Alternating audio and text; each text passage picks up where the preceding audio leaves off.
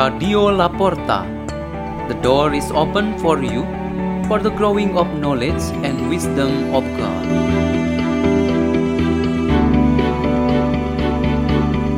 delivered by Ryan Koordi of St. John Vianney Church in Irvine, California, the United States.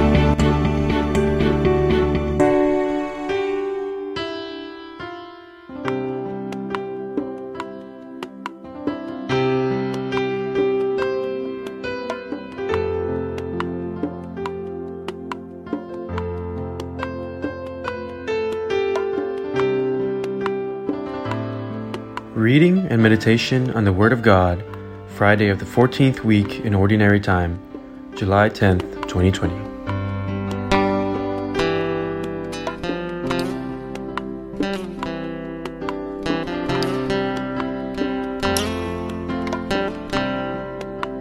The reading is taken from the Holy Gospel according to Matthew.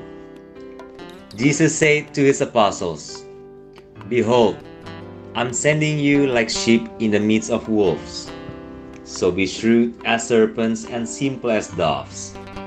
But beware of men, for they will hand you over to courts and scourge you in their synagogues, and you will be led before governors and kings for my sake, as a witness before them and the pagans. When they hand you over, do not worry about how you are to speak or what you are to say. You will be given at that moment what you are to say. For it will not be you who speak, but the Spirit of your Father speaking through you. Brother will hand over brother to death, and the father his child. Children will rise up against parents and have them put to death. You will be hated by all because of my name. But whoever endures to the end will be saved. When they persecute you in one town, flee to another. Amen, I say to you, you will not finish the towns of Israel before the Son of Man comes. The Gospel of the Lord.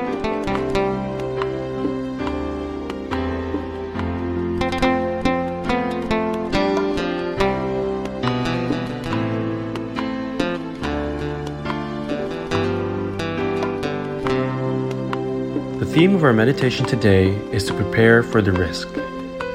There were two teenagers, a sister and a younger brother, who went shopping for school bags. The sister bought a cheaper bag, while her younger brother bought his that was more expensive.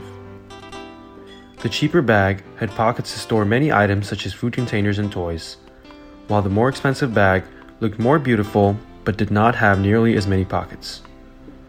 When the brother realized the utility his sister's bag provided, he returned to the shop to exchange his bag to that of his sister's. Here, we see two teenagers foreseeing the risks and needs they would face when they returned to school and choosing the right decisions. For the Israelites, as described by the prophet Hosea, the troubles they faced were due to their sins against the Lord. If they wanted a renewal, a new and better life, all they had to do was abandon their old life that was in the bondage of sins, return to pray words of regrets, and repent in the face of God. However, this kind of risk is easy to say and teach, but difficult to put into practice. In today's Gospel, we see Jesus made a list of risks and dangers awaiting his disciples who were sent on his behalf. His disciples were to suffer all forms of persecution like Jesus Christ himself experienced. They were expected to always be ready for any given situation, even the loss of their lives. In reality, Jesus teaches us that risk is very useful to the growth of our faithfulness, and in following his call for all of us.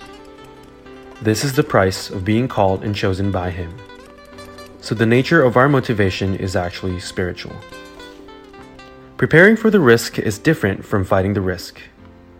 Preparing for the risk shows that someone is calm, optimistic, confident, and in goodwill for whatever risk he will face.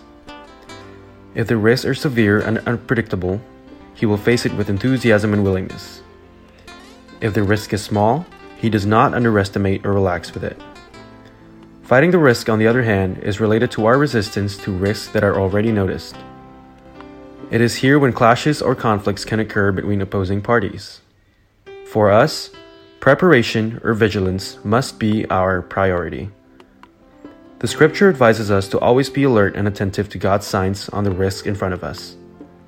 When we choose to have faith in Jesus Christ and decide to live with responsibly, we must prepare for the risk.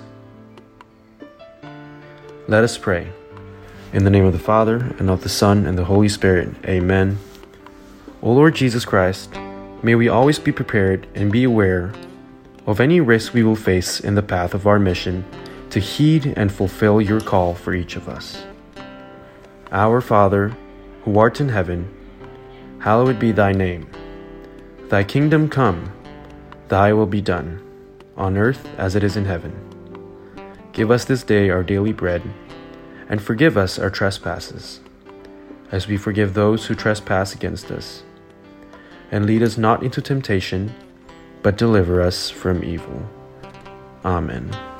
In the name of the Father, and of the Son, and of the Holy Spirit. Amen. Radio La Porta. The door is open for you.